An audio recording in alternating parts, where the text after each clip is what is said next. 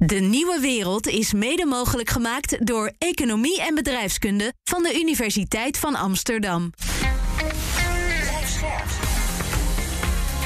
BNR Nieuwsradio. De nieuwe wereld.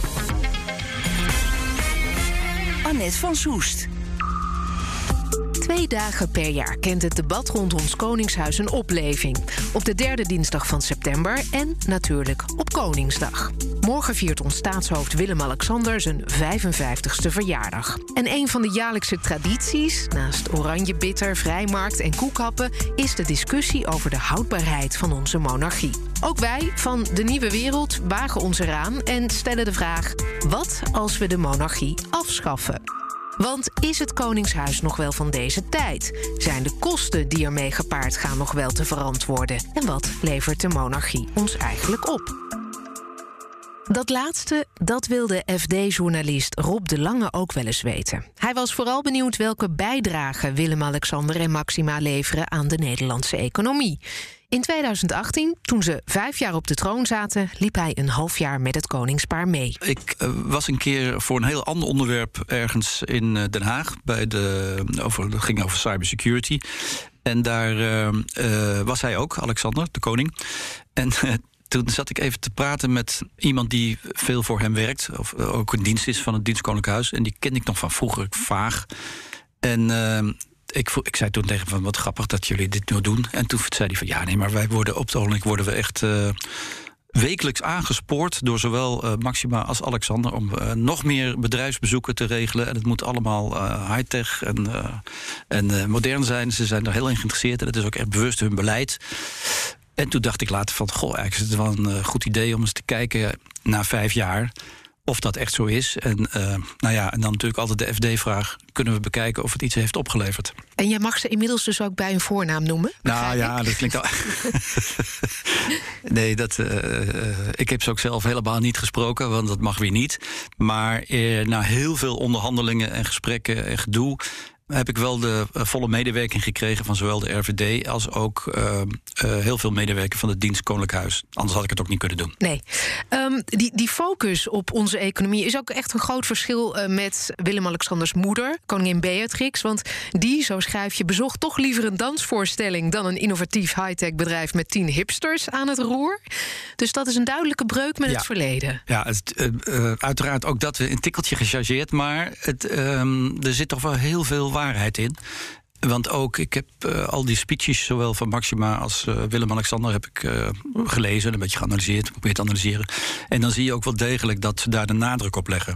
En ze hebben het ook wel bij het begin van het moment dat ze de, op de troon kwamen te zitten, hebben ze dat ook wel ja, een paar keer ook laten blijken dat daar hun, hun, hun aandacht, interesse ligt en dus ook hun aandacht ook komt te liggen. Hoe ben je te werk gegaan? Ja, als een soort, hoe noem je dat? Een fly on the wall. Dus toen ik eindelijk de medewerking had, heb ik gekeken van ja, wat gaan ze nu allemaal de komende maanden doen. Dus ik kreeg ook keurige overzichten van alle bezoeken die ze hadden. En daar kon ik uit kiezen. En hoe koos je dan de plekken waar je mee naartoe wilde? Nou ja, dat was uh, bijvoorbeeld Maxima ging een keer, kan ik me herinneren, naar een, de opening van een heel groot centrum in Naaldwijk. Voor waar alle tuinders en zaadveredelaars en noem maar op.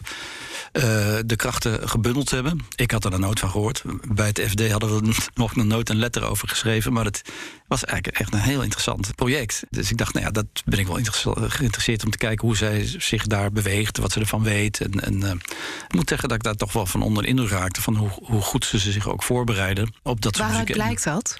Nou, dat ze eigenlijk nooit verrast worden door, uh, door vragen. Ze, ze, weten echt wel waar ze heen gaan en, uh, en, en weten wat, wat die ondernemers doen of wat, nou ja, wat de dilemma's zijn en waar ze tegenaan lopen.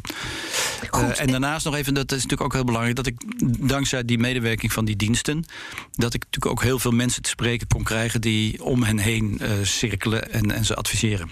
Wat doet het Koningspaar concreet om bedrijven te helpen? Nou, ik heb het even opgeschreven. Als je nou even kijkt wat alleen de functies van Maxima zijn, hè, die betrekking hebben op uh, economie. Even nog los van het feit dat als je er af en toe hoort praten op uh, een paar van die bijeenkomsten, dat je bijna het idee hebt dat de minister van Economische Zaken aan het woord is. Ja, ze is natuurlijk ook econoom. Ja, ze is ook econoom en dat zie je ook heel goed hoor. Maar ze is bijvoorbeeld, ik heb het even gezocht, erevoorzitter van het platform Wijzer in Geldzaken. Ze is lid van het Nederlandse Comité voor Ondernemerschap. Ze is speciale pleitbezorger van, voor de Verenigde Naties, uh, secretaris-generaal voor inclusieve financiering. Dat is die microfinanciering waar ze natuurlijk altijd al in geïnteresseerd was. Uh, erevoorzitter van het G20 Global Partnership for Financial Inclusion. En ze is ook nog erevoorzitter van de stichting schuldenlab.nl. Dus dat geeft al een beetje aan waar, waar haar interesse liggen. Uh, maar uh, ja, dus als het om Maxima gaat, dan is er echt op die, de, de, de groei van het kleine MKB de, de, de, de high-tech, de fintech, dat soort bedrijven, is, uh, is zij vooral echt mee bezig. En bij, bij de koning, bij uh, Willem-Alexander, is het wat breder. Die bezoekt natuurlijk ook veel, veel familiebedrijven en wat, wat, wat nou ja, traditionelere uh, economie als de, de, de Philips en de Unilever en zo. Wat er op de lange opstak van al die bedrijfsbezoeken en interviews met de inner circle van het koningspaar, dat hoor je straks. Dan gaan we een kosten-batenanalyse maken, voor zover dat kan. Maar eerst wil ik weten, wat als we de monarchie zouden afschaffen? Hoe doe je dat eigenlijk? Ik vraag het Paul Boventeert. Hij is hoogleraar staatsrecht aan de Radboud Universiteit en hij schreef het boek De Koning en de Monarchie toekomstbestendig, met een vraagteken dus. En het afschaffen van de monarchie, vertelt hij, dat is nog niet zo makkelijk. Ja, nou, dat, dat kan via een grondwetsvoorziening. Want uh, de monarchie en het koningschap is in de grondwet geregeld. Uh, dat betekent een zware procedure. Je moet dat eerst in een eerste lezing doen en dan na verkiezingen uh, voor de Tweede Kamer zul je in een tweede lezing ook nog een tweederde meerderheid moeten krijgen voor die grondwetsvoorziening. Ja, en dan haal je alle bepalingen in zaken het koningschap uit de grondwet. Maar je moet toch een staatshoofd hebben. Dus je zult uh, voor een alternatief moeten gaan. En dat wordt dan een republiek met een president. Ja, het is dus niet 1, 2, 3 geregeld. En zo'n tweederde meerderheid, is hij er op dit moment? Helemaal niet, want uh, de meeste politieke partijen steunen de monarchie. Er zijn er enkele die uh, een voorkeur voor een republiek hebben, uh, maar daar eigenlijk geen werk van maken.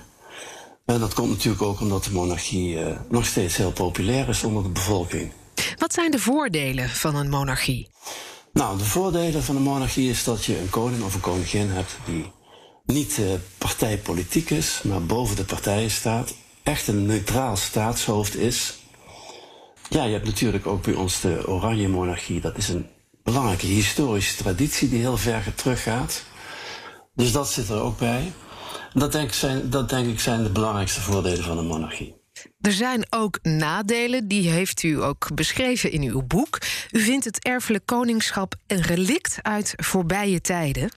En toch pleit u niet voor afschaffing. Maar... Nee, maar het hangt er helemaal, ja, het hangt er helemaal vanaf wat die uh, koning voor rol vervult in, uh, in het staatsbestel. Kijk, als de koning een puur ceremoniële rol heeft als staatshoofd, is het denk ik geen probleem uh, dat hij uh, erfelijk zijn functie uh, krijgt. Ehm, het wordt, wat, wordt pas een probleem als die koning ook beslissingsmacht heeft. ja, en de koning zit nog steeds bij ons volgens de grondwet in de regering. Dat is eigenlijk heel onduidelijk, want we weten niet precies wat de rol is van de koning in de regering. Heeft hij nou beslissingsmacht of niet? We gaan ervan uit eigenlijk dat hij dat niet heeft. Maar het is eigenlijk een situatie die niet past bij deze tijd. Dus in mijn boek pleit ik er dan ook voor dat die koning uit de regering wordt gehaald, maar wel staatshoofd blijft. Hoe kan het eigenlijk dat er zoveel onduidelijkheid is over die staatsrechtelijke positie van de koning? Ja, dat komt eigenlijk omdat we die situatie nooit hebben aangepast. Uh, en altijd vastgehouden hebben aan de oude regeling, die er eigenlijk sinds 1848 in staat. Dat de koning samen met de ministers alle wetten en uh, regeringsbesluiten ondertekend. Na 1983 hebben we een algehele grondwetsvoorziening gekregen. En toen heeft men in de toelichting wel gezegd: ja, die koning die adviseert eigenlijk alleen maar, die waarschuwt. Uh, maar hij beslist niet mee, want de ministers zijn verantwoordelijk. Maar ze hebben eigenlijk de consequentie niet eruit getrokken om de koning dan ook uit die regering te halen. In die zin is, is alles bij het oude gebleven. Uh, terwijl de positie van de koning in de loop der jaren heel erg is gewijzigd. Op welke manier? Nou, als je teruggaat in de tijd, uh, um, in de 19e eeuw was de koning natuurlijk heel belangrijk in het staatsbestel. We begonnen met de koning Willem I, ja, die persoonlijk regeerde en eigenlijk zijn ministers gebruikte als ondergeschikte. En heel lang heeft men in die 19e eeuw gedacht dat de koning hoofd van de regering was. En in feite is dat uh, nog een tijd doorgegaan, zelfs onder koningin Wilhelmina had de koningin een hele belangrijke positie in de regering. En pas na de Tweede Wereldoorlog is dat een beetje gaan schuiven. Ja, en uh, kwam de vraag op: waarom zit die koning eigenlijk nog in de regering? Zou het niet beter zijn om de koning alleen als staatshoofd te hebben, in een ceremoniële functie? Goed, dus wat dat betreft zou de grondwet dus mee moeten evolueren. Zou er een moderniseringsslag moeten worden gemaakt? Ja. Er is ook altijd veel te doen over de financiën. waarom krijgt de koning zoveel geld? Waarom betaalt hij geen belasting? Hoe, hoe zit dat eigenlijk? Waarom betaalt hij geen belasting? Nou ja, dat is eigenlijk ook een uh, overblijfsel uit uh, voorbije tijden. Men heeft in uh, 1814, dat is heel lang geleden, heeft men eigenlijk die keuze gemaakt om de koning maar heel beperkt belasting te laten betalen. En in ieder geval geen inkomstenbelasting. En daar heeft men eigenlijk altijd aan vastgehouden. Hoewel verschillende partijen, zoals de Partij van de Arbeid, um, ja, toch ook uh, heel nadrukkelijk hebben gepleit voor ook de invoering van de belastingplicht voor de koning. Maar dat is eigenlijk ook altijd zo gelaten zoals het was. Men heeft het systeem wel veranderd, ongeveer 50 jaar geleden alweer. Maar ja, ook dat systeem is eigenlijk uit de tijd. Past niet bij uh, de 21ste eeuw, vind ik. Nee. Is die kritiek op de kosten van de monarchie niet ook ontzettend Hollands? Het, het hoort een beetje bij ons zoals koekhappen op Koningsdag. Ja, ja, een beetje wel natuurlijk. Vooral als het gaat om de hoogte van de bedragen. En je moet natuurlijk wel je ervan bewust zijn dat als je een monarchie hebt met een koning of een koningin, ja, dat je dan toch ook een zekere koninklijke staat aan die personen moet kunnen toekennen. En ook een vorstelijk salaris. Ja, en ook een beetje een hoog salaris en paleizen, dat hoort er niet allemaal bij. Uh, maar het gaat mij eigenlijk meer om, uh, ja, om dat zo'n regeling transparant en bij de tijd moet zijn. En uh, eigenlijk hebben ze nog steeds in de bestaande regeling voor die financiering van het Koninklijk Huis, hebben ze nog steeds het idee dat de koning uitkeringen moet krijgen waar hij vrij over kan beschikken. Terwijl, ja, dat past helemaal niet in, in de moderne tijd. Eigenlijk moet de koning als overheidsdienst gewoon gefinancierd worden zoals andere overheidsdiensten. Dus gewoon een begroting op het ministerie uh, met een controle door de rekenkamer en verantwoording en toezicht. En dat is nog steeds niet geregeld. Dus dat is eigenlijk nog een hele ouderwetse constructie. Wat zou overigens een normaal salaris zijn voor de koning? Oh, dat is heel moeilijk. Men heeft toen in 1972 eigenlijk een slag in de lucht gedaan. En uh, uh, de koningin een, een inkomen gegeven, belastingvrij. Mm -hmm. Ja, de Tweede Kamer heeft daar toen geen bezwaar tegen gemaakt. En sindsdien ja, zijn eigenlijk die bedragen geïndexeerd. En dat komt er eigenlijk nu op neer dat uh, Willem-Alexander rond 1 miljoen uh, belastingvrij, ja, je zou kunnen zeggen, een soort salarisinkomen heeft. Zijn salaris gaat wel mee met de inflatie? Jazeker, ja, wordt geïndexeerd, ja. En daarnaast zijn er al die uitkeringen die hij krijgt. Hè. Uitkeringen voor personeel, uitkeringen voor materiële voorzieningen en allerlei posten op begrotingen. Dat maakt het hele, de hele financiering nogal kostbaar, want het kost ons uh, de belastingbetaler elk jaar zo, inclusief beveiliging, zo rond de 100 miljoen. En dat is toch, dat is toch wel een fors bedrag. Als we dit zouden aanpassen, hè, zou het echtpaar, uh, zouden uh, Willem-Alexander en Maxima dan een boot hebben kunnen kopen van 2,3 miljoen euro? ja, dat weet ik niet. Waarom niet? Misschien wel. Hè. Dat hangt er Omdat ze hem nodig hadden. Ja, nou ja, maar kijk, het is wel natuurlijk een probleem. Want de vraag is, uh, als je deze regeling op de schop neemt en je gaat een andere manier van financiering kiezen, ja, welke bedragen moet je dan toekennen? En dat wordt natuurlijk al heel snel een politieke discussie. En dat is denk ik ook de reden waarom ja, eigenlijk de regering zich daar niet aan wil branden, de vingers, aan, uh, aan zo'n operatie. Het heeft de vorige keer in 1972 heeft het ook bijna vijf jaar geduurd voordat men eruit was. Het ging allemaal heel moeizaam. En dat risico loop je nu weer als de politiek zich gaat bemoeien met, ja, hoeveel paleizen zijn er nodig? Welk inkomen moet de koning dan hebben? Waar moeten we dat aan relateren? Het wordt nu een beetje gerelateerd aan het uh, ambt van de vicepresident van de Raad van State. Dus dat zijn allemaal moeilijke vragen. En daar zal de politiek een antwoord op moeten geven. Ja, het is dus lastig. Maar ja, aan de andere kant, de privileges die de koning ontvangt ondermijnen ook zijn positie. Dus dan zou je zeggen, het is ook in zijn belang dat er iets aan wordt gedaan. Ja, daar heeft hij helemaal gelijk in. Het gaat er eigenlijk om dat uh, burgers tegenwoordig uh, veel meer moeite hebben met uitzonderingsposities voor de koning of voor iemand anders dan vroeger. Vroeger vond men dat eigenlijk uh, niet zo'n probleem. Maar tegenwoordig ja, stelt men steeds de vraag: waarom moet het anders zijn bij de koning? Waarom moet hij een kroondomein hebben waar hij het hele jaar kan jagen? Waarom zijn die bedragen zo hoog? Daarom is er ook elk, elk jaar kritiek bij de behandeling van die begroting. Burgers hebben daar uh, veel problemen mee. Dat blijkt ook uit de jaarlijkse enquête die gehouden wordt over de monarchie. Met name dat aspect van die hoge financiële kosten is een probleem. Uh, dus inderdaad, die privileges die staan ter discussie. En denk dat het daarom ook belangrijk is om zoveel mogelijk een normaal en transparant systeem van financiering te introduceren. Ja, en dan moet men maar eens goed nadenken over de hoogte van de bedragen. Daar komt men niet onderuit. Haal de koning uit de regering, zegt Paul Bovend-Eert. Laat hem staatshoofd blijven en, heel belangrijk, wees transparant over geld.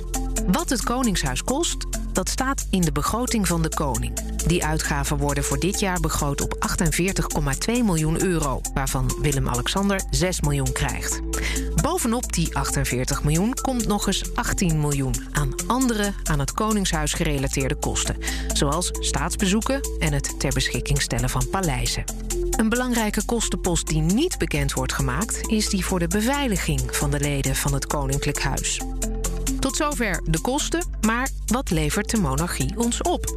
FD-journalist Rob de Lange vertelde al dat het koningspaar veel energie steekt in bedrijfsbezoeken en handelsmissies. Maar betaalt die koninklijke aandacht zich ook uit in euro's? Ja, daar gaat het natuurlijk wat ingewikkeld worden. Uh, het is maar net aan wie het vraagt. Um, ik heb in een van die stukken ook een interview met Hans de Boer, Weile Hans de Boer, de toenmalig voorzitter van VNO-NCW. En die rekent op een achterkant van een sigarendootje uit dat het volgens hem minimaal 30 miljard oplevert. Maar dat is natuurlijk totaal natte 30 vingerwerk. 30 miljard? Ja, maar dat is totaal natte vingerwerk. Uh, het is wel zo dat ook uh, uit de anekdotisch bewijs, maar ook wel wat, wat steviger uh, bewijsmateriaal. Dat bijvoorbeeld bij handelsreizen de, de, de, het feit dat de koning meegaat of de koningin, dat dat wel degelijk ook deals oplevert die, die, die, eh, waar bedrijven eh, een, een, voordeel van hebben natuurlijk. En het interessante is, vind ik, dat, je, dat ze daar eigenlijk helemaal niet mee, mee te koop lopen. Want Buitenlandse Zaken geeft dan wel eens een persbericht uit. En na een dan staat daar zo'n bedrag voor zoveel miljoen aan opdrachten 170 miljoen opdrachten binnengehaald. En die zie je dan niet terug op de site van het, van het dienst Koninklijk Huis. Dus en dat vind ik heel jij, opvallend. Nou, dat mag je ook wel laten zien, vind jij? Lijkt mij wel. Ja. Hoe weet je trouwens of een deal echt tot stand komt dankzij de koning en de koningin? Nou, daar heb ik wel een aantal voorbeelden van, van gekregen. Hè. Dus dat bijvoorbeeld dat ze in het buitenland zijn en dat er uh, een, een, grote deal al voorbereid was, maar op het laatste moment uh, niet doordreigt te gaan. Dat uh, met name Hans de Boer vertelde dat, dat hij dan toch net even die koning weer die mee is naar voren schuift om het laatste massagewerk te verrichten. Dus ik, ik, ik denk echt wel dat hij daar een functie heeft. Zou een gekozen president dat werk niet net zo goed kunnen doen? Ja, dat is altijd de eeuwige vraag. Ik. ik zijn bewijzen uit de ongerijmde. Ik, ik, uh, een goede president wel. Maar uh, nou ja. Uh, veel presidenten zijn natuurlijk ook vrij onbekende mensen. En, het Koningshuis heeft volgens mij toch altijd wel iets apart. Doe even los van het, sprookjesachtige mysterie eromheen. Zijn natuurlijk internationaal, zeker ook Maxima heeft internationaal wel een grote naam. Tegelijkertijd een te grote betrokkenheid bij het bedrijfsleven. Dat is ook risicovol. Jazeker. En dat speelt ook wel hoor. Want we hebben natuurlijk allemaal nog uh, op het netvlies. Nou, niet iedereen misschien, maar in ieder geval van mijn van generatie. Onze leeftijd, ja. ja. uh, de, de avonturen van Prins Bernhard en de Lockheed-affaire. Um, um, en zeker in het geval van Maxima, die, ja, die heeft natuurlijk direct contact als zij dat wil. En dan komen ze allemaal opdraven met de, de CEO's van alle grote multinationals ter wereld zelfs. Uh, en dat geeft, wel, uh, dat geeft af en toe hier wel wat gefronste wenkbrauwen. Maar tegelijkertijd merk je toch ook dat hun moreel kompas in die zin. Ik heb het niet over corona, maar in, in die zin wel goed op orde is. En dat ze wel degelijk de integriteitsrisico's op het netvlies hebben en daar rekening mee houden. Dus iedereen gunt ze ook wel de ruimte die ze in deze zin nemen. Er wordt ook wel gezegd dat de stabiliteit van ons Koningshuis dat dat een vertrouwensbonus oplevert. Buitenlandse bedrijven zouden daardoor eerder hier in Nederland zaken durven doen. Heb je daar bewijs voor gevonden? Nee, daar heb ik geen bewijs voor gevonden. Ook behalve dan dat puur anekdotisch. Het is dus best lastig hè, om, om uit te rekenen wat het Koningshuis economisch oplevert. Ja. ja, maar ik durf toch wel de stelling aan dat het geld oplevert. En um, om op je volgende vraag. kun je daar een bedrag op plakken? nee, daar, daar, daar, kun je geen uh, bedrag op plakken. Maar ik denk dat als je het Koningshuis zou afschaffen dat je dit toch wel gaat missen. Ja, zeker ook met de focus die zij alle twee hebben. Denk ik wel dat ze echt een hele belangrijke bemiddelende rol kunnen spelen. Maar ook een, een, een aanjagende rol voor, voor bepaalde nieuwe technologieën of nieuwe, nieuwe start-ups en nieuwe MKB-bedrijven. Ja, want dat is wel opvallend. Hè? Ze richten zich heel erg op innovatieve bedrijven, op start-ups, ook op het MKB. Ja. Worden ze daarin gestuurd door het kabinet? Of is dat echt iets wat uit hen zelf komt? Nee, dat komt echt uit hunzelf. Dat komt echt uit hunzelf. Dat hebben ze ook bij, uh, als ik het allemaal goed heb begrepen... en, en van veel mensen heb gehoord... Uh, ook die, die echt heel dicht uh, bij hen staan... is dat ze dat echt bij de, het moment dat zij de troon bestegen... dat ze dat hebben, hebben nou, bedongen. Ja. Conclusie na een half jaar onderzoek? Nou ja, ik ben er eerlijk gezegd wel positief over. Uh, als ik zie wat ze doen en met welke aandacht ze en, en, en, uh, en enthousiasme ze doen. Tegelijkertijd blijven er toch ook wel uh, dingen over waarvan ik denk dat ze allemaal beter kunnen. We hadden het net al even over. ik, ik, denk dat ze nog veel duidelijker kunnen maken van wat ze, wat ze nou wel of niet zouden opleveren. En ze hebben natuurlijk te langzamerhand, ook door de coronatijd, is er wel een imagoprobleem ontstaan bij de aantal uh, ja, toch foute inschattingen die ze gemaakt hebben. Mm. Dus ik, ik, uh, het, is een, het is een modewoord, geef ik toe. Maar uh, meer transparantie zou hier wel wat heilzaam werk kunnen verrichten, denk ik. Willen ze hun, hun populariteit, om het zo te zeggen, en geloofwaardigheid behouden, denk ik toch dat je veel meer openheid moet bieden over wat erin komt en wat eruit gaat. Baal je er niet een beetje van dat je na die kosten-batenanalyse eigenlijk nog steeds niet weet wat er onderaan de streep overblijft. Ja, maar eerlijk gezegd word ik er ook wel vaak een beetje moe van tegenwoordig. Dat alles tot op uh, drie achter de komma moet worden uitgerekend. En dat er eerst weer twee, uh, twee onderzoeken van Deloitte of PwC aan, aan, uh, aan vooraf moeten gaan voordat je ergens over besluit of zo. Dit is gewoon niet uit te rekenen. En wat je ook doet. En dus moet je ook, denk ik, een beetje ja, vertrouwen dat dat goed gaat. En je weet zeker dat als je het afschaft, dan ben je het kwijt. Dan krijg je het ook nooit meer terug. Dat van een financieel journalist. ja, ja, ik weet het. Ik heb op de redactie ook discussies genoeg over gehad. Tot zover deze Koningshuis-special. Maak er een mooie Koningsdag van en tune volgende week, zelfde tijd, zelfde plek, weer in voor een nieuwe aflevering van De Nieuwe Wereld.